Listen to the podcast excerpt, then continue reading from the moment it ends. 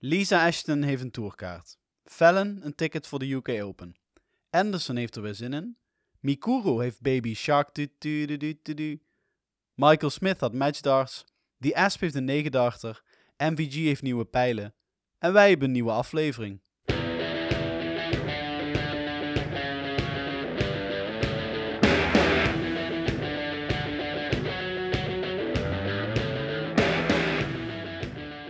Welkom Jerry, we zijn er weer. Ja, Luc. Het is dik een maand geleden dat we voor het laatst praten over darten. Inderdaad, inderdaad. We zitten eh, op te nemen eh, terwijl het staartje van orkaan eh, Kira nog over ons heen waait. Ja, inderdaad. Het S'avonds was laat. behoorlijk eh, wervelend de laatste dagen. Ja, Maar dat ontneemt ons niet dat we even wat te vertellen hebben over het dachten, want, Want- er is behoorlijk wat gebeurd. heeft ook een boel gewerveld in de dart. ja, hè? inderdaad, ja. Ehm, we, we zijn opgehouden toen het WK net was eh, afgerond. Daarna begon het BDO-WK. Eh, daar heb ik eigenlijk gelijk al een eerste stelling over. Die, eh, die stelling die is als volgt. Nou, laat maar komen. Nog langer het BDO-WK uitzenden op televisie zou schade toebrengen aan het imago van de sport. Zo, dat is direct een pettige, eh, Luc. Had je Ik heb- wel ik- mogen voorbereiden. Ik heb echt gepeperde ste- stelling. Heb ik. Ja, goed. ik, ik ben het aan de ene kant eh, met je eens van dat ik vind dat de organisatie, maar dan weet ik wel meer van achter de schermen natuurlijk, dat de organisatie wel hier en daar steken laat vallen en vooral voor de niet, niet nadenken over eh, het welzijn van de spelers. Ik las toevallig vandaag op Twitter dat het eh, prijzengeld nog steeds niet betaald is. Nee, dat hebben, zijn ook de laatste dingen die ik heb gehoord. Eh, dat kan natuurlijk echt niet. Want ja, die jongens die hebben heel het jaar gereisd. Die hebben behoorlijk wat centen geïnvesteerd om alle toernooien af te gaan. En dan komt eh, de organisatie in één keer eh, met, met als hoofd Jacqueline, die gewoon zoiets heeft van, ah weet je, ik heb er gewoon een potje van gemaakt. En die betaalt de spelers niet uit. En dan hoor ik dat die ook nog een ander bedrijf, een Nederlands bedrijf, die de World Masters hebben van, van, van, van beeld en geluid hebben voorzien en de streaming hebben gedaan. En dat die ook nog niet betaald hebben gekregen. Ja, hij heeft er gewoon echt een zootje van gemaakt. Wat zonde is, want de BDO was wel eh, de charme, de ambiance wat je had eh, toen het nog eh, de embassy was. Weet je, daar, daar keken we allemaal als, als, als jeugdige spelers naar. Als jeugdige darters die daarvan droomden om op de, op, de, op de embassy te staan. Op de leeftijd later na. En ja, ik denk dat zo'n Wayne Warren, die heeft dan de BDO-WK gewonnen. Ongelooflijk toffe kerel, die ook wel behoorlijk wat jaartjes kent. We hebben nog tegen elkaar gespeeld een aantal keren. Die gun ik het van harte. Een hele, hele vriendelijke man. Die, die, ja, die, ging met de veronderstelling, gaat die WK spelen, dat de eerste plaats een ton aan Britse ponden zou zijn. Eh, en dat werd gedurende de WK werd in één keer eh, bijgeschroefd naar nog maar 23.000 pond. Eh, vergis, eh, ja, laat me niet eh, negatief erover zijn, is lekker geld. Maar als jij van een ton uitgaat en je ver- verlaagt naar 23 en je hebt op dit moment nog steeds geen prijzen gehad, ja, dat ja, hebben ze echt een potje van gemaakt. Dus op dat gebied denk ik echt van eh, organisatorisch gezien, eh, ja, weet je, mocht, mag het echt niet op televisie komen. Qua niveau heb ik echt wel leuke partijen gezien, want ik heb wel hier en daar gevolgd. Ja, wat je zegt over de embassy is ook... Ik zat gisteren andere tijden sport nog eens de herhaling te kijken... dat Barney en, eh, en Sylvia daar weer naartoe zijn gegaan een paar jaar geleden. Oké. En die, die ambiance van die zaal was zo ontzettend bijzonder... Ja. dat ik denk dat het echt beter zou zijn als, ze- als ze gewoon het hele zaakje zouden afsluiten. Hè, dat ze niet langer de, de, de geschiedenis die daar eigenlijk aan vastzit...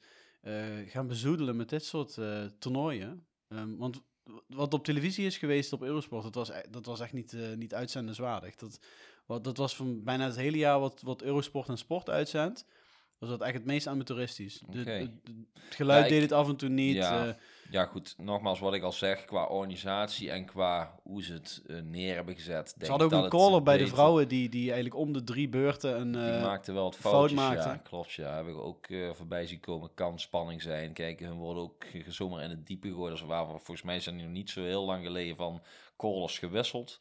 Ja, omdat, volgens mij eh, vooral omdat de rest opgestapt is. Ja, ja, en ik weet niet wat daar eh, de exacte reden van was. Eh, ik kan me zomaar indenken dat daar ook een meningsverschil is geweest tussen de callers van toen.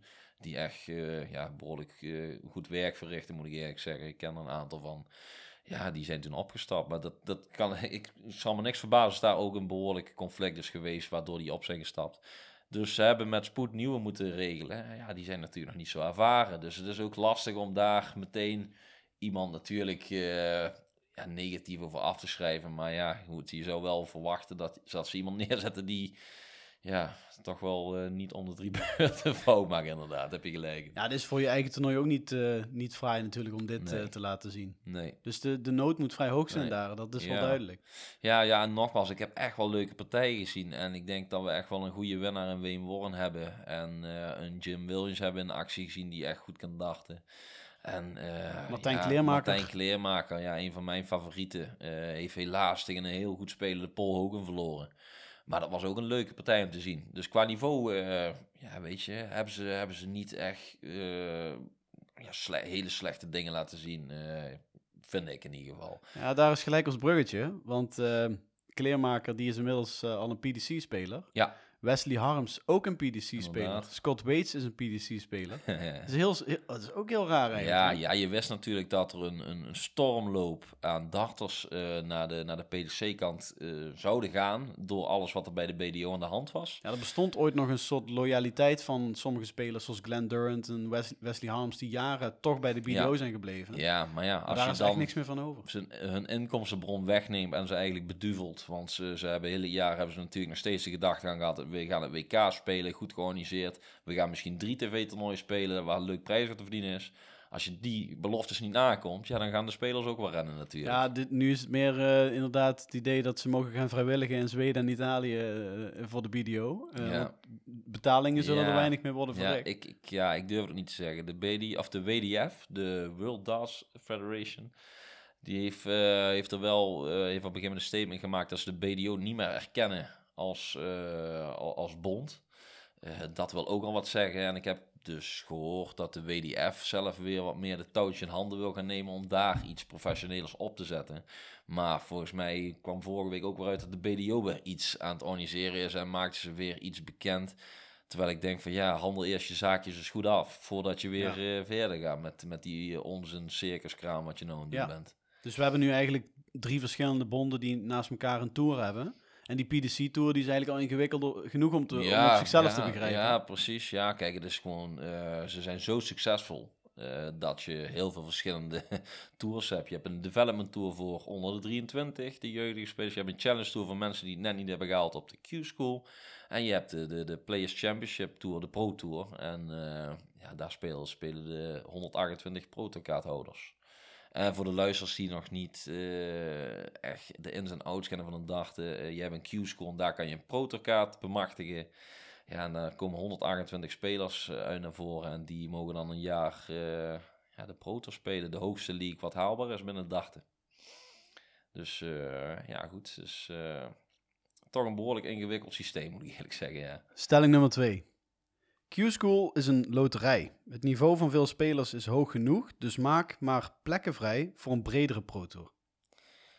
Eh, ik ben het er eh, mee eens, volledig mee eens zelfs. Eh, niet dat het een loterij is aan zich, maar wel dat er een, een topverbreding moet zijn. Want je had bijvoorbeeld aan de Europese kant van de Q-School had je 350 inschrijvingen aan de, en aan de Britse kant had je 500 plus inschrijvingen. En er waren op de Europese waren er van die 350 hadden er maar 11 eh, een kans, of die hadden dus maar eh, de, de, de optie om zo'n tourkaart te bemachtigen. En 20 aan de... En 20 aan Britse de kant. Britse kant.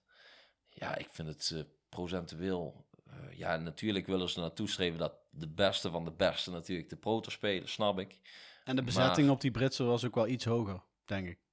Qua, Qua welke spelers eraan meededen. ja, toch, toch viel het qua, qua gemiddelde als je over, eh over Ja, beide gelijk viel, ja. het, viel het wel mee. Was maar er waren, redelijk waren gelijkwaardig. meer, gro- meer grote namen. Maar dat is Ja. dan ook eh, mensen die, die inderdaad teren op hun reputatie uit het verleden. Ja.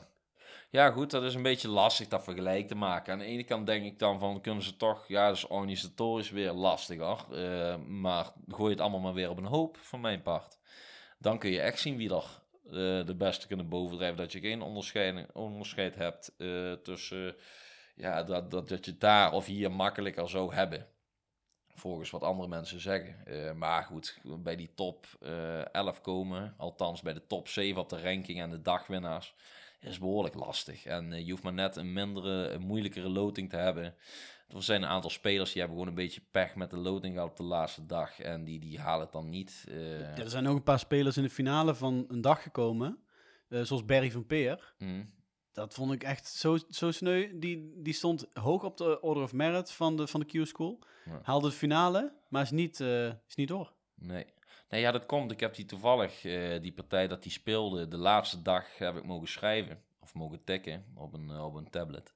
En eh, daar, daar viel het allemaal net niet voor. Maar hij moest tegen een hele sterk spelende Zoran Lergbacher. Die op dat moment echt wel goede dingen liet zien. En die ging er wel eh, grandioos vanaf met 5-0 zelfs. Dus dat moet heel erg pijn hebben gedaan voor Barry. En eh, weet je, ik, ik vind wel dat hij het eigenlijk wel had verdiend om ook daarbij te horen. En eh, ja, vind ik het jammer voor hem dat hij het net niet heeft gehaald. En, en echt, echt zuur. En eh, het, het, het ironische eraan is dat een zo'n Lergbacher, die haalt nog een puntje meer als Barry op de eindranking. En die stond achtste Van de zeven die door mochten. van de zeven Ja. die door mochten. Maar Wesley Arms stond boven hem. Als die de laatste dag had gewonnen, die stond in de finale tegen een Duitser. Als die het gewonnen had, Soran hem gewoon gehad. Maar die verliest dan die laatste partij op een of andere manier tegen een, een, een- ja, een Duitse speler, eh Siepman met de achternaam eten. En eh, daardoor heeft eh, Zoran heel de dag mogen wachten. En eh, die heeft dus achtste gewonnen. Die heeft net zoveel. eh, ik heb helemaal niks gepresteerd. Dat eh, gaan we zo nog misschien even benoemen. Maar eh, die heeft net zoveel als mij eigenlijk. Ook net niks. ja. Dus dat is allemaal eh rare gewaarwording, vond ik dat voor mezelf. En eh, voor, voor een aantal andere spelers die het net niet hebben gehaald. En je hebt ook goede spelers die het dan wel hebben gehaald, die het wel waar hebben gemaakt. Dus wat je nou aangaf. Dus eh, een kleermaker hebt gehaald, eh, Harms.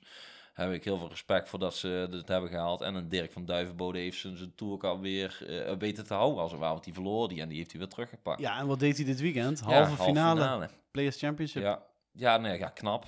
Kijk, ik, is- eh, hij heeft gewoon in een flow gezeten na die Q-school van luister, eh, ik doe gewoon nog mee. En, eh, maar het maakt allemaal niet uit wat mensen hebben gezegd. Ik heb mijn tourcard verloren, ik haal hem gewoon terug en dan ga ik even laten zien wat ik kan. Althans, dat denk ik. Ik heb niet persoonlijk erover gesproken, maar hij laat het wel gewoon zien dat hij een halve finale kan halen op een Pro Tour. Dus dat, Ja, dat was indrukwekkend. Ja, super.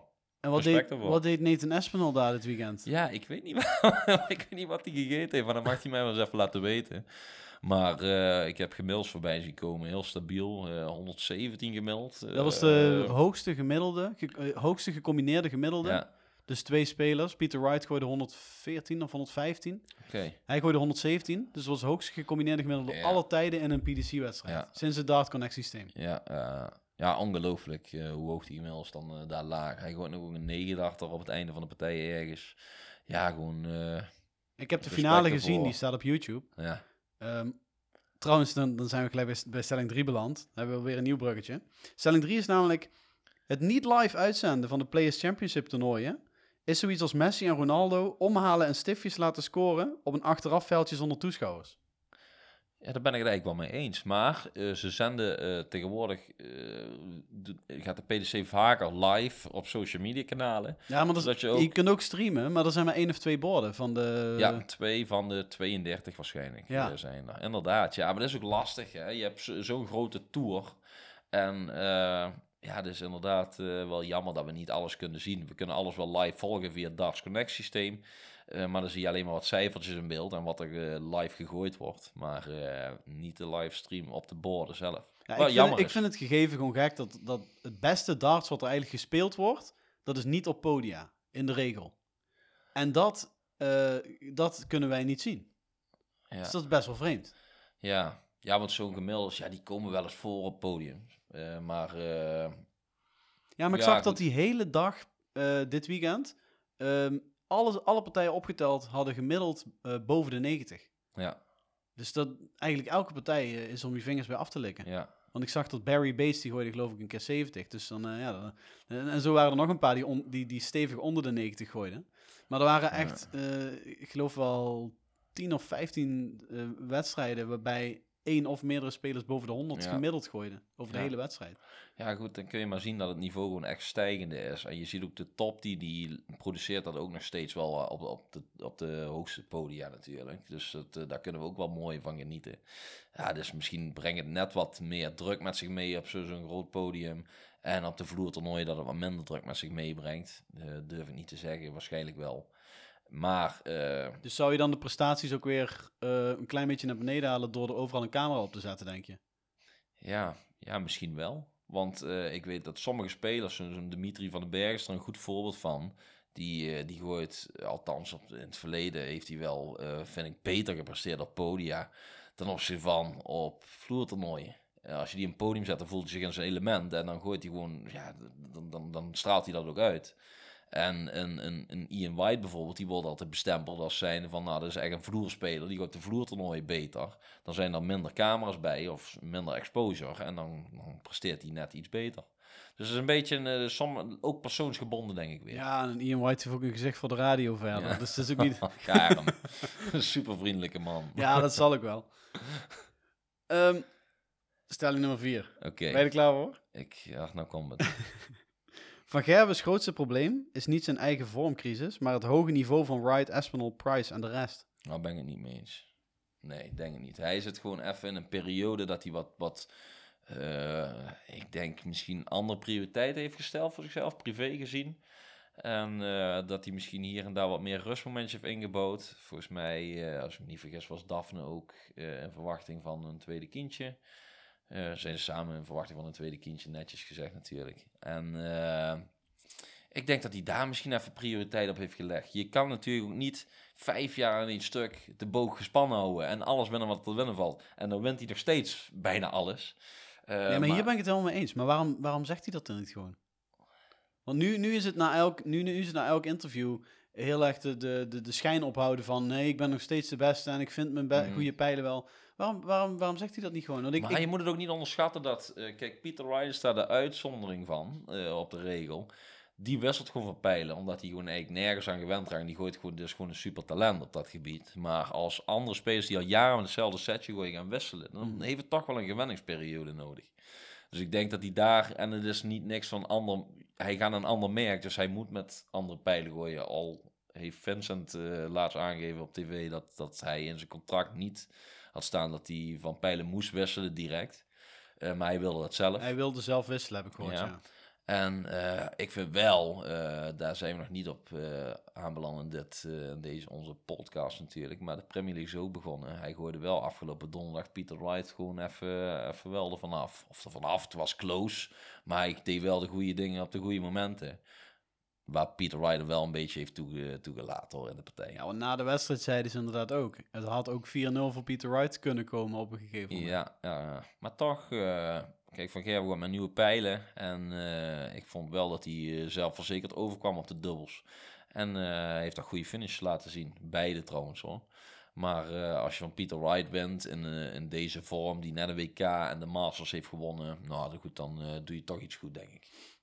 Ja, ja, ja. Ja, ja ik, ik, ik weet het niet zo goed. Ik denk dat ik wel, ik denk dat ik wel bereid ben om te zeggen dat, dat Van Gerwen min of meer de beste speler is die er ooit geweest is. Ja. Eh, ja, ik, ik- heb hem de afgelopen jaren dingen zien doen die, ik- die ik bijna niet eens meer op een rijtje kan zetten. Zulke ongelofelijkheden. Maar ik denk, ik denk wel dat, eh, en ik zou het prachtig vinden als ik, als ik, als ik ongelijk had, maar ik denk wel dat dat het, dat het echte tijdperk van Gerwen wel voorbij is. Zoals we dat de afgelopen jaren gehad hebben. Hè? Die dominantie Ja, bedoel ja. je? Oké, En daarmee- dat kan. Maar dat- dat, komt dat er, er andere toppers, dat zeg je in die stelling, meer aan de deur kloppen. Die ik heb ook het gevoel op dat, dat, niveau dat, mee dat er inderdaad. ehm, ehm, dat van Gerwens gemiddeldes, die zijn helemaal niet zo heel veel lager. Ik bedoel, als je 95 gemiddeld gooit tegen Johnny Clayton en verliest, dan kun je dat niet een vormcrisis noemen. Want dan heb je gewoon beter gegooid dan een heleboel andere spelers. Mm. Mm, Maar het is niet Des van Gerbers. nee, dat niet. Maar het, het begint ook op te vallen dat andere spelers daar ook niet meer van schrikken, van zijn, van zijn niveau. Nee. Die doen dat ook. Maar leer mij van Gerben kennen, want dat hebben we ook een aantal keer gezien. Dan werd er wel eens gesuggereerd van, oh, hij, hij is wat minder aan het gooien. En dan komt hij dadelijk in één keer, dan gooit hij weer een toernooi van eh, boven de 110 gemiddeld of zo over het hele toernooi. Daar zie ik hem best voor in staat. En dan, eh, die heeft wel altijd ons bewezen dat we hem nooit af mogen schrijven. Dus dat, eh, daar ga ik ook vanuit dat eh, nog steeds gaat komen, want hongerig is hij wel. En hij is gewoon uh, nou even op zoek naar zijn setup. Uh, misschien heeft hij die nou gevonden, durf ik niet, uh, niet te zeggen. Maar ik vond hem donderdag wel toch indrukwekkend gooien. Vooral met name op het laatst de finishes. Dus ja, goed, we zullen dat gaan zien. Hij heeft nou een aantal, ik, zat er weken Premier League voor de boeg. Waar hij lekker kan proberen. En nog wat, wat Players Championship toernooien, als ik me niet vergis. Dus er staan nog wel leuke, leuke trainingsmomentjes voor hem te wachten. Nou, als, als, als dat gemekken van mij uh, uh, de katalysator is die hem boos maakt, uh, dan, dan zou ik er alleen maar een hele grote eer vinden. Ja, precies. Want ik zag, ik zag Nathan Espinal ook in die wedstrijd tegen, tegen Price in de finale. Dat was trouwens een hele gezellige wedstrijd, waar we ja. grapjes aan maken over van alles. Maar Nathan Espinal, die, die had een, een nog weer andere blik in zijn ogen dan... ik, ik, ik, kon bijna de, ik, kon, ik kon de flow bijna in zijn ogen lezen mm -hmm. dit keer. Dat is heel raar. Ja, ik heb dus... het ook uh, ergens op social media zag ik voorbij komen, omdat hij zelfs zoiets had van, ja, ik kan bijna niks meer missen. Dat ja. hij zo'n gevoel had. Ja, en als dachter zijn, als je dat gevoel uh, hebt, dan uh, ja, is dat natuurlijk helemaal geweldig. ik, ik kan het zelf, af en toe heb ik dat wel eens gehad, maar dan was het niet een dusdanige flow van dat ik bijna tegen de 120 gemiddeld naar gooi. Maar toch, dat je het gevoel hebt dat je dat elke pijl de richting in gaat en in het vakje gaat wat je wil. Ja. Nou, een beter gevoel kan je niet hebben natuurlijk. Dat de bullseye zo groot is als een fruitschaal. Ja, precies. Ik vond het ook leuk om te zien op, op Dart Connect. Die, die website heb ik helemaal ontdekt. Dan kun je dus elke wedstrijd uh, helemaal volgen. Hè? Ook tijdens ja. de Q-score. Elke ja, score kun je helemaal volgen. Dan heb je aan het einde van de wedstrijd dat is een scoreformuliertje. En er stond dus inderdaad, uh, als er dan een 9 darter gegooid wordt, dan staat er dus keurig achter gemiddelde 167 ja, ja, ja. lijkt. Ja, uh, dat is mooi. mooi. Dan heb je het gewoon uitgespeeld. Ja, dat is een goed systeem. Maar ook voor spelers die misschien in een mindere flow zitten kan je ook nog je, je spel evalueren. Van waar ging het nou mis in de partij? Uh, waar heb ik wat ge, uh, fout gedaan? En misschien is dat wel goed dat je zelf uh, reflectie goed kan zijn. aan de ene kant kan het ook een negatieve flow werken natuurlijk. Dat je denkt van, oh, wat ben ik nou in godsnaam aan doen hier eigenlijk tijdens die toernooi. Althans, dat ondervond ik zelf tijdens de Q-school. Dat ik niet mijn niveau haalde wat ik wilde. En dat kan ook frustrerend werken natuurlijk. Heb je dan na afloop die, die scorekaartjes te bekijken? Nou, ik heb wel op de hotelkamer gelegen en mijn uh, partij teruggekeken en, en, geteld bijvoorbeeld hoeveel dubbels ik had gemist. En dat ik denk van, ja, Jer, zo ben je normaal helemaal niet. Uh, ga eens wat, er, wat eraan doen. Of ik, ik weet niet wat ik daar fout heb gedaan, want we hadden het voor onze podcast al over. Trainingsuren heb ik volle bak geïnvesteerd. En dan valt het gewoon niet jouw kant op en was ik gewoon niet mezelf, was ik gewoon niet goed genoeg. En uh, dan moet ik daar realistisch in, in zijn dat het gewoon niet mijn week was. En uh, daar ben ik echt behoorlijk ziek van geweest, ja. Dus dat, ja, dat, dat kan ik wel met recht zeggen dat dat wel pijn heeft gedaan voor mij, voor mijzelf. En ja, goed, op dat moment moet je ermee dealen en dan moet je verder. Je moet een plan ontwikkelen voor de rest van het seizoen. Maar dus dat, ja goed, het heeft wel een, een klap opgeleverd. Maar goed, weet je, uh, dat Darts Connect is wel een goed, uh, goed punt om, uh, om je eigen partij te kunnen reflecteren en om zo je scoreverloop te zien. dan moet er is gewoon voor mij persoonlijk is er werk aan de winkel om dat weer op te krikken, inderdaad. Ja, ik, ik vraag me af hoeveel die site je nou echt kan helpen bij zulke dingen. Want uiteindelijk is darten ja, kijk, bij, bij, tennis kun je zeggen, je, hebt, je, hebt, je, hebt, uh, je, moet, je moet dichter op de baseline, uh, of je moet dichter op het servicevak uh, serveren. Mm -hmm. Maar bij dart heb je gewoon een vakje en dan moeten de pijlen in. Ja. Dus er is ook, dit is vrij zwart-wit wat je moet doen. Ja, precies. En, en dat kun je ook niet helemaal, ja. De dingen die je fout doet, kun je, kun je aan die statistiek ook niet aflezen. Misschien wel aan beelden, hè? Dat, er iets, dat, je, dat er iets in, in aan je stijl je weet dat je, je, je, je, je scorend vermogen niet goed genoeg was, of dat je dubbels op goede momenten niet vielen. Dat kun je er wel heel makkelijk uit aflezen natuurlijk. Maar aan de ene kant, uh, ik denk dat gemiddels, dat is eigenlijk een stelling van mij, gemiddels zijn echt zwaar overreten. Ja, daar ben ik het helemaal mee Want als jij uh, bijvoorbeeld een, een 13 dachter gooit uh, of een 15 dachter, in principe maakt het helemaal geen verschil. Voor je eigen gevoel misschien dat je het fijne vindt dat je die de eerste pijl in die beurt uit hebt gegooid. Maar je gooit allebei binnen vijf beurten uit. En het gemiddelde verschil, dat is behoorlijk. hetzelfde tussen een 16 en een 18 dachter bijvoorbeeld. Ja, kijk, en als je dan bijvoorbeeld iemand hebt die uh, de ene leg in, uh, nog op de 300 staat en jij gooit uit. En de volgende leg gaat gelijk op uh, en dan gooit hij wel uit. Dan staat het 1-1. Terwijl qua gemiddelde staat hij waarschijnlijk 20 punten meer te gooien. Maar op het scorebord, het telt alleen maar op, op, op de uitslag. Als jij met 6-5 wint, dan kan iemand die 6 legs heeft gewonnen, die kan gewoon 20 punten minder hebben qua gemiddelde als die, diegene die 5 legs heeft gewonnen. Dus gemiddeld zijn gewoon zwaar overreden. En daar, daar, dat is Eigenlijk wordt daar alles aan afgemeten de laatste Ja, tijd sinds dat Darts Connect. Klopt, hoor. klopt. En je, en je staat natuurlijk in een dartwedstrijd, sta je de tegenstander te verslaan. En als het alleen maar om de gemiddeldes zou gaan, dan ben je bezig met zo hoog mogelijk te gooien. Ja, Terwijl als jij 110 gooit en de tegenstander gewoon gooit 115, dan kun je nog steeds prima winnen. En wat je net zei over een 13 en een 15 darter, ik zou, ik, ik zou zelfs willen zeggen dat een 15 darter kan, kan mentaal gezien zelfs nog beter zijn. Ja. Want dat zou kunnen betekenen dat je dus een, een, een, een, bijvoorbeeld een ton plus finish hebt gegooid. ja. En ja, dat, en dat doet misschien pijn dan voor de tegenstander. Want die denkt misschien nog een kans te krijgen. ja. En jij gaat met die, dat laatste pijltje eh, net voor zijn neus uit. Terwijl hij staat te wachten misschien op een dubbel. Ja, want ehm, James Wade gooit he- heel vaak, wint die partijen, dat hij zelf onder de 90 gooit. Ja. Ja, daar moet een reden voor zijn dat heel weinig andere spelers vaak winnen met een gemiddelde onder de 90. Maar dat is Dat betekent een goede dat- matchplayer noemen ze dat Ja, dan. eh, hij, hij deelt gewoon mentale st- plaagstoten uit.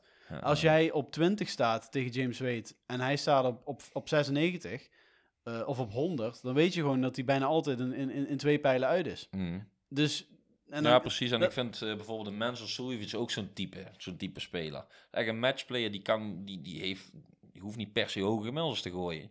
Maar die kan wel echt die dubbels echt prikken op goede momenten. Al is hij de laatste tijd een beetje uit een flow, maar dat was echt wel, kon ik echt kenmerken als een matchplayer daarin. Dus daarom, ik, ik vind het gewoon echt eh, heel belangrijk ook. Ja, ik ben, ik ben gewoon echt van mening dat gemiddeldes die ge- kunnen een indicatie geven. Maar eigenlijk eh, draait het helemaal niet om eh, in, in het dartwereld. Want ja, je moet gewoon wedstrijden winnen. Of jij nou met 80 gemiddeld een wedstrijd wint of met 100 gemiddeld. Ja, Ja, en zeker bij setplay, dat zagen we ook op het Ja. WK, dan krijg je echt van die momentum shifts, dat je ziet gebeuren dat omdat iemand een set met 3-2 Mhm. wint, dan, dan heb je net weer het voordeel dat je de pauze ingaat met een set erbij, terwijl die andere speler heeft twee legs gewonnen waar die helemaal niks in heeft. nee, en dat kan een wedstrijd weer omgooien. Ja. Ja, goed. ja, ik, ik mij ook liever een partij met 80 gemiddeld dan dat ik een partij verlies met 100 gemiddeld, hoor. Ja, Dus, vol- eh, volgens mij logisch. maken die gemiddeldes eh ons commentatoren alleen maar een beetje lui, omdat we gewoon eh, wedstrijden gaan beoordelen inderdaad op de puntjes die ze gegooid hebben, Ja. in, in plaats van op wanneer was iemand mentaal sterk. En toch zie ik het ook vaker. Ik doe dat zelf ook onbewust. Dan zet ik een partij en dan zie je de gemiddeldes. Eh, ja, dan, nogmaals, het is een indicatie. En dat doen we bij RTL 7 ook. Dan, maken we een analyse van een partij en dan zien we het spelverloop. En dan eh, laten we toch altijd even weer die gemiddeldes zien en het eh, dubbelpercentage. En je ziet ook vaker dat het echt vertekenend kan zijn. Dat, dat ja, gewoon iemand een hoger finishpercentage heeft, een hoger gemiddelde en dan toch achter staat. Dus het wil gewoon eigenlijk eh, niet altijd wat zeggen. En dat, nee, want eh, volgens mij ehm, is het ook meestal zo in de meeste partijen dat je maakt elkaar tijdens de wedstrijd ook beter en slechter. Hè, als iemand heel slecht aan het gooien is, dan is er geen reden voor jou om 110 te gaan staan gooien. Phil Taylor deed dat wel eens. Hè, dat, dan, dan was iemand gewoon niet, eh, niet op de afspraak, maar hij Hm. bleef dan gewoon eh hoge gemiddeldes gooien. Maar vaak is het zo, als iemand heel slecht gooit, dan, is, dan begin jij zelf Ja. natuurlijk ook laks te worden. ja. Dus het zal me helemaal niet verbazen, en dat, daar kunnen we de volgende keer wel even een studie van maken. Als je op, als je op Dart Connect kijkt, dat misschien wel in 40 of 30 procent van de gevallen eh, degene met een net iets minder gemiddelde die partij wint. Want degene die de partij wint, is ook degene die vaker op dubbels heeft staan gooien Ja, als het goed is. Klopt, dus ja. dat brengt Ja, het gemiddelde ja, ook ja. omlaag. Ja, klopt, ja. Ja, goed, en het kan ook zomaar zijn als, als, ik, eh, als ik gewoon alleen maar op de scorende punten mag gooien tegen een Pieter Wright of tegen een Van Gerwen, die alles binnen 12 das uitgooit. Dan kan mijn gemiddelde ook makkelijk boven de 100 zetten, terwijl ik geen pijl met dubbel heb. Ja, precies. Ja, dat is ook weer eh, een, Dan gooi je, een, dan een gooi bepaald je, facet van dit hele gemiddelde. dan gooi je elke keer eh, 100, dan ga je pijlen Maar dus halen. echt sinds het Darts Connect gebeuren is het nog meer eh, allemaal eh, gefocust op de, op de gemiddeldes. Terwijl eigenlijk slaat het helemaal nergens op. Eh, op het einde van de dag moet je gewoon denken, heb ik de partij gewonnen of niet? Dat is wel leuk, maar je moet gewoon die partij winnen. Dus, Dus ja, dat heeft gewoon te maken met de dataficering. Hè? We- Dat, dat, dat, dat is een trend in de hele maatschappij. Ja. We willen alles in, in nummertjes kunnen vangen. Ja, en, dan, en als we dat kunnen, dan denken we dat we het onder controle hebben. ja.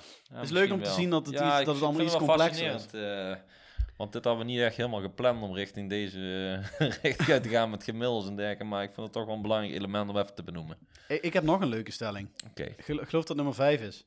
De Premier League is na het WK de, het belangrijkste darttoernooi ter wereld. Waarom noemen we het steeds een demonstratietoernooi? Op de Olympische Spelen kun je ook geen rankingspunten halen, maar dat is toch ook geen demonstratietoernooi? Ja, die vergelijking die is wel mooi, ja. Want Nee, ik, ik, stoor een beetje aan die uitspraak dat, Ja. dat, dat er steeds inderdaad opgeplakt wordt, het is een demonstratietoernooi. Want niemand van die spelers behandelt het al- zo. Ze Nee. willen allemaal graag, Gary Anderson zei, zei deze week, eh, deze Premier League gaat mijn carrière maken of breken. Omdat hij zei, ik, ben, ik merk dat, dat mijn vorm niet meer zo stabiel is als een paar jaar geleden. En ik wil weer in een soort van ritme komen. Mhm. Dus de Premier League is ontzettend belangrijk. De bezoekersaantallen van de Premier League zijn, zijn hoger dan elk ja. ander eh, toernooi.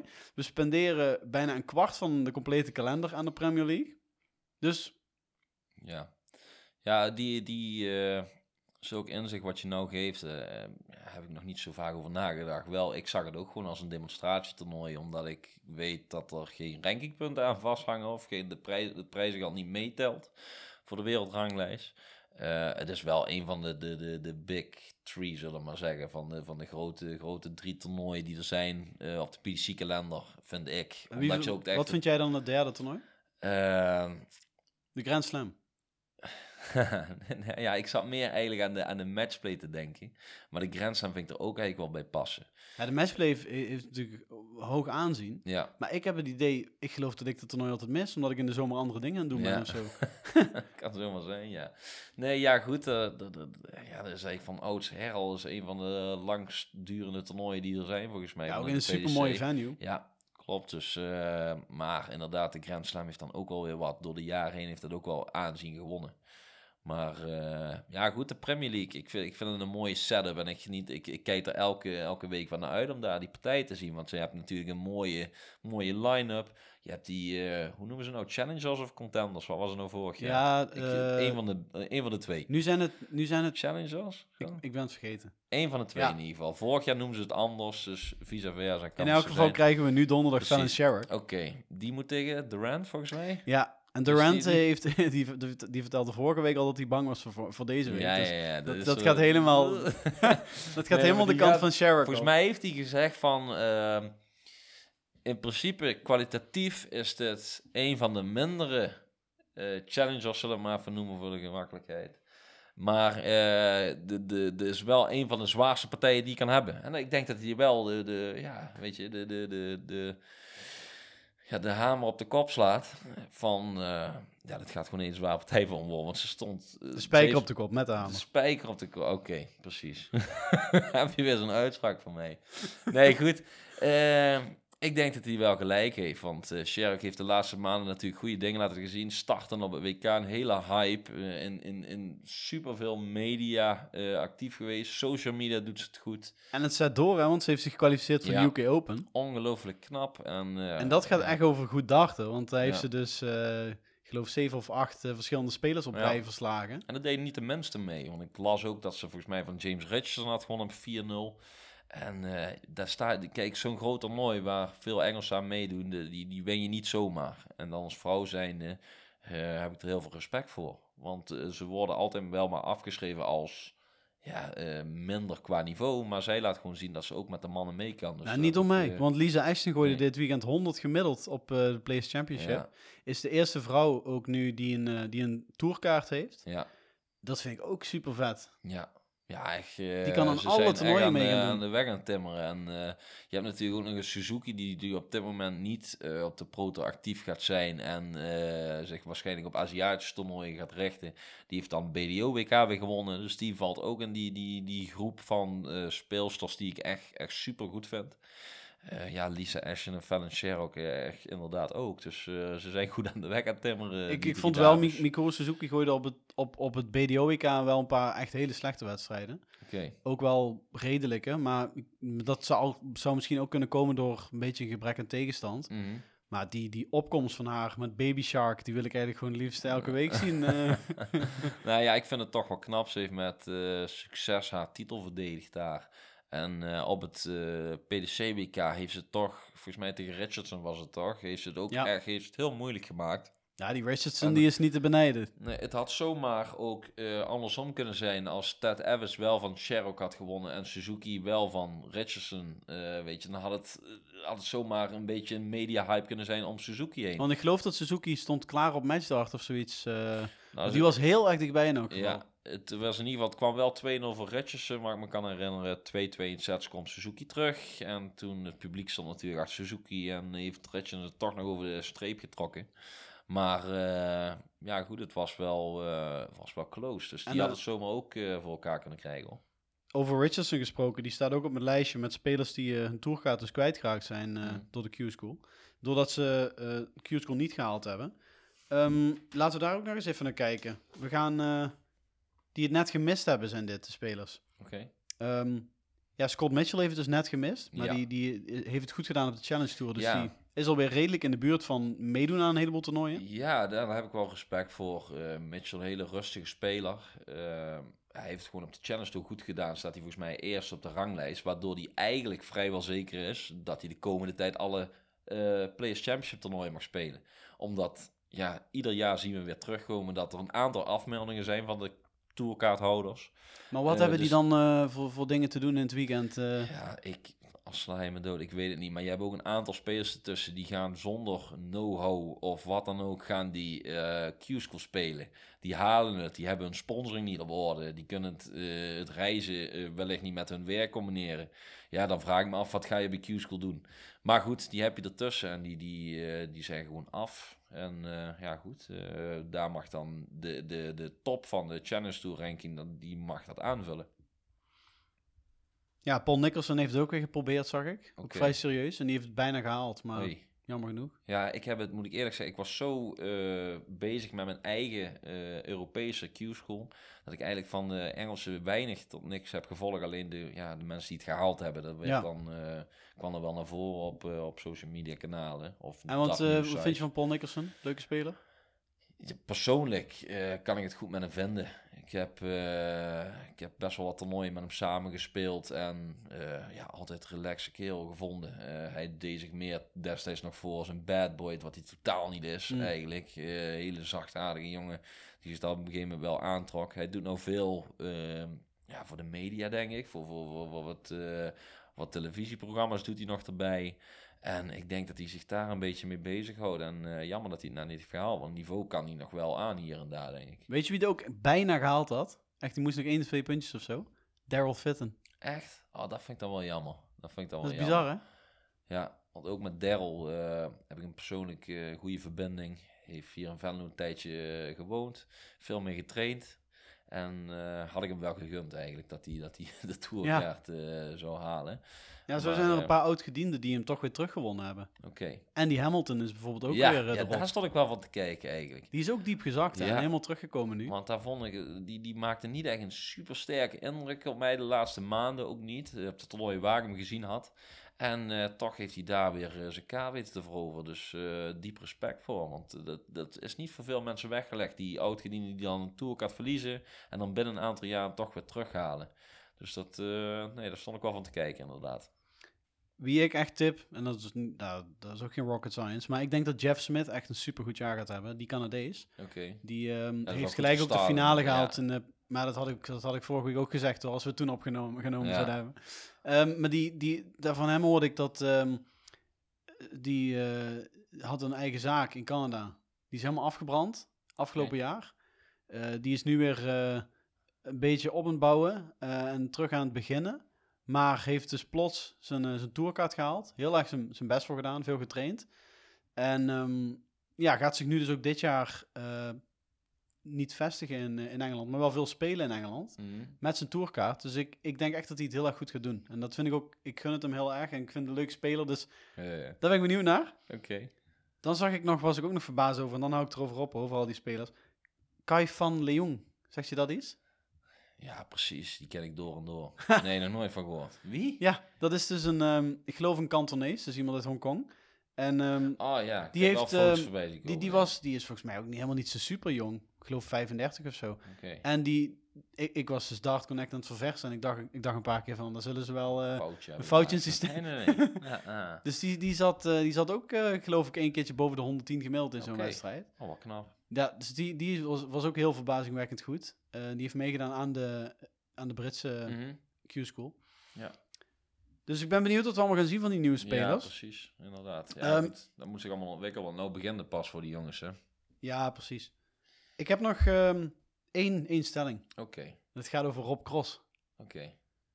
Eh, na dat ongelooflijk eh, WK heeft eh, Rob Cross het op adrenaline een jaar volgehouden. Maar dit jaar gaat hij zakken op de ranglijst. En gaan we zien dat hij toch niet zo'n grote speler is. Ja. Dus in de glazen bol denk- kijken. Ja, precies. Nou, ik denk dat hij, eh, hij kan best wel eens wat gaan zakken, want hij maakt geen sterke indruk op me. Hij was ook wel met pijl aan het eh, wisselen, want hij heeft op de Masters met een nieuwe setup gespeeld. Was geen succes. Die heeft hij ook meteen aan de kant gegooid. En tijdens de Premier League heeft hij volgens mij 6-6 gespeeld. En ehm, ik, weet, ik weet niet, hij heeft gewoon een mega groot talent. Hij was wat aan zichzelf aan het werken qua, qua gezondheid, want hij was niet meer happy met zichzelf. En eh, dat, daar gaat wat tijd overheen. Eh, zijn prestatie, het WK winnen en een, twee, twee tv-toernooien vorig jaar ook nog gewoon gewonnen hoor, trouwens. Ja, waaronder de Dus- World Matchplay. Ja, dus ik, eh, ik kan niet dat, er kunnen niet veel mensen zeggen dat ze tv-toernooien winnen. Dus eh, aan de ene kant nog steeds zeer veel respect voor Rob Cross. Maar ik denk dat hij hier en daar wel wat gaat struggelen inderdaad. Want nou heeft hij wel wat te verdedigen volgens mij ook, ten opzichte van twee jaar geleden. En wat was er met Dave Chisnell? 79 gemiddeld op de Masters. Ja, ja ik weet het niet. Eh, hij verloor 10-0, eh, die partij bedoel je, tegen, tegen Wright. Ja, Ja. ja, ik weet niet. Ik heb nog in de studio commentaar gegeven bij zijn partij tegen Gurney. Daar vond ik hem wel eh, be- niet echt een stabiele indruk maken. Maar Gurney maakte het net niet af heel de tijd. En hij kwam toch goed terug. En die won Chesney dan net. En toen ging hij er hard af tegen, tegen Wright. Ja, het was gewoon niet zijn dag. En dat kan je af en toe hebben. Maar ik weet niet wat er precies met hem aan de hand is. Of hoe het met hem gaat. Eh, ik moet een beetje hem- wennen aan die bril misschien. ja, dat kan ook zomaar zijn. Ik weet nog dat ik er heel veel... Ik heb ooit een keer een bril geprobeerd. En toen kwam ik heel tijd met de flight eh, bij het aanhalen van, van de pijl eh, naar mijn gezicht. Toen kwam ik heel tijd met die flight tegen die lens aan. Nou, dat was niet, eh, niet prettig. Dus ik heb, ben daarna overgeschakeld op lenzen. En ja, dat ging, ging een stuk beter. Ja.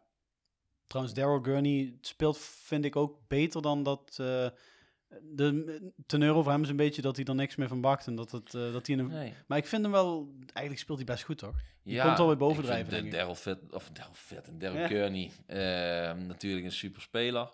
En eh, hij heeft nieuwe pijlen nou, die met zwart titanium bewerkte variant. En eh, ik vond hem tijdens de Masters heeft hij een beetje pech gehad tegen Chisnell, maar het viel het dan net niet zijn kant op. Maar tijdens de Premier League uh, ja, gooide hij wel weer eh, redelijk tot goed. Hij verloor dan wel net van, van Anderson, die ook goed gooide. Maar eh, ja, Gurney die, die, die had wel in ieder geval een betere uitstraling al. Want de laatste maanden was het ook af en toe dat, hij- dat hij zoiets had van... nou, ik, althans, op mij maakte hij de indruk dat hij er geen zin in had. En naar mijn weten had hij dat nou wel. Dat straalt hij in ieder geval uit. Dus die gaan we in de Premier League ook wel nog leuk naar voren zien komen, denk ik. Dan nog even eentje, tweetje, drietje. Je weet wel, hè, Toto. Ehm, jij mag zeggen, Rob Cross, Nathan Espinal. Eh Espinal. Price tegen Michael Smith. Oeh. Dit is de Premier League, hè, ja, ja, dat is voor komende donderdag. Dat had ik wel in de gaten. Price tegen Michael Smith. Dat wordt een, een 7-4 voor Price. Eh, Gary Anderson, Peter Wright. 6-6. Ja, Gary Anderson won dit weekend ook eh, de Players Championship, hè? Ja. Eh, Glenn Durant, Fallon Shark. Eh 7-3. Oké. En dan Michael van Gerwen, Daryl Gurney. Eh 7-1. Oké. Ik denk dat Michael hem gaat slopen. Ja. ja. Nee. Ik denk dat Michael eh, nou weer wat eh wedstrijdritme heeft opgebouwd met zijn setup. En ik vond hem donderdag tegen Peter Rydal op het laatst echt een sterke indruk maken. Die heeft een statement te zetten. Want die, die is daar klaar mee dat zo'n mensen zoals jij, Luc, eh, nou ze een beetje gaan twijfelen aan hem. En eh, die, die wordt nou getriggerd. En die gaat dadelijk knallen. Dus Ja, eh, ja, dat is ik- mijn ik- voorspelling. Maar daarom geef ik hem ook extra complimenten steeds. Hè? Want ik zeg niet dat ik hem niet, eh niet Ik mag. denk echt dat hij het luisteren is. Ik zal hem een bericht sturen van Mike, hey, luister eens hier. nee. Ik- het, is, het, is, het is gewoon de beste Nederlandse darter die we ooit gehad hebben. Ehm, Van Barneveld is, eh, is, is, is nog beroemder en is ook ongelooflijk goed. Maar Ja. die twee die steken er met kop en schouders bovenuit. Ja. En daar gaat helemaal niks of niemand iets aan veranderen. Maar ik word, ik word gewoon de laatste tijd niet vrolijk van eh, Van Van Gerwen. En ik hoop dat ik het snel weer word. Oké, oké. Ja, goed. Eh, En ik hoop trouwens, ik hoop trouwens dat het Nederlandse darten sowieso eh, me een beetje gaat verblijden. Want op Ja. grote toernooien, ja, net zoals de Masters, dan is het toch jammer dat er niet... een- Ja, dat is toch wel een gaatje nou Ja. op dit moment tussen, de, tussen Van Gerwen en dan de, de eerstvolgende die gaat komen. Kijk, we hebben natuurlijk de hoop gevestigd op een Jermaine, een Jeffrey de Zwaan, een Ron Meulenkamp. En eh, ja, goed, die, die, die pre- presteren wel goed. Hier en daar, maar nog niet dusdanig de, de prestaties wat het, wat in de picture speelt bij de mensen natuurlijk. Dus dat, eh, daar wachten we nog een beetje op. Die moeten Ja, echt Jeff, de top Jeffrey de 16. Zwaan eh, kwam dit weekend ook weer niet boven de 90 uit. Oké, ja. Dus ja, dat, dat hobbelt ook zo'n beetje verder. Ja, ja, goed. We zullen het zien hoe dat zich gaat ontwikkelen eh, de komende weken. En eh, weet je, de Premier League is nou in de gang. We hebben nog hier en daar wat leuke dingetjes. Dus we moeten maar even kijken dat we nog een keer een podcastje opnemen. Want er zijn genoeg dingen te bespreken eh, over de een aantal weken weer, denk ik. Ja, we, we kijken gewoon rustig alle interviewtjes weer en we wachten tot, totdat alle darters eh, ehm, weer leuke uitspraken doen die we kunnen doornemen met jullie. You heard it here first. Ja. Ehm, de, ja, dat, dat was het denk ik al zo'n beetje. Hè? Dan gaan we even bedanken dat we de muziek hebben geleend van ehm, Lone Road Station. Onze vrienden uit Venlo. Ja, zeker. En eh, Albert Kiefer voor eh, het leuke dartbordje dat onze foto's siert op Spotify en op Apple Podcasts, waar jullie de podcast kunnen luisteren. Volg ons op Instagram en volg ons ook op Twitter. Dan zal ik daar weer een paar eh, berichtjes op zetten. Ik ben niet super actief. Jerry ook niet. Op, op Twitter laten ik we het... ben, nou, ik ben nou om een draai. Ik heb een eh, snelcursus Instagram gehad, dus ik moet nou een beetje meer gaan schakelen. Mij mogen jullie ook allemaal volgen natuurlijk. hè. Ik ben ook gewoon te vinden op Instagram. Ja. Dus, eh, En ik ben, ik ben ook te vinden, maar ik hoef geen extra volgers.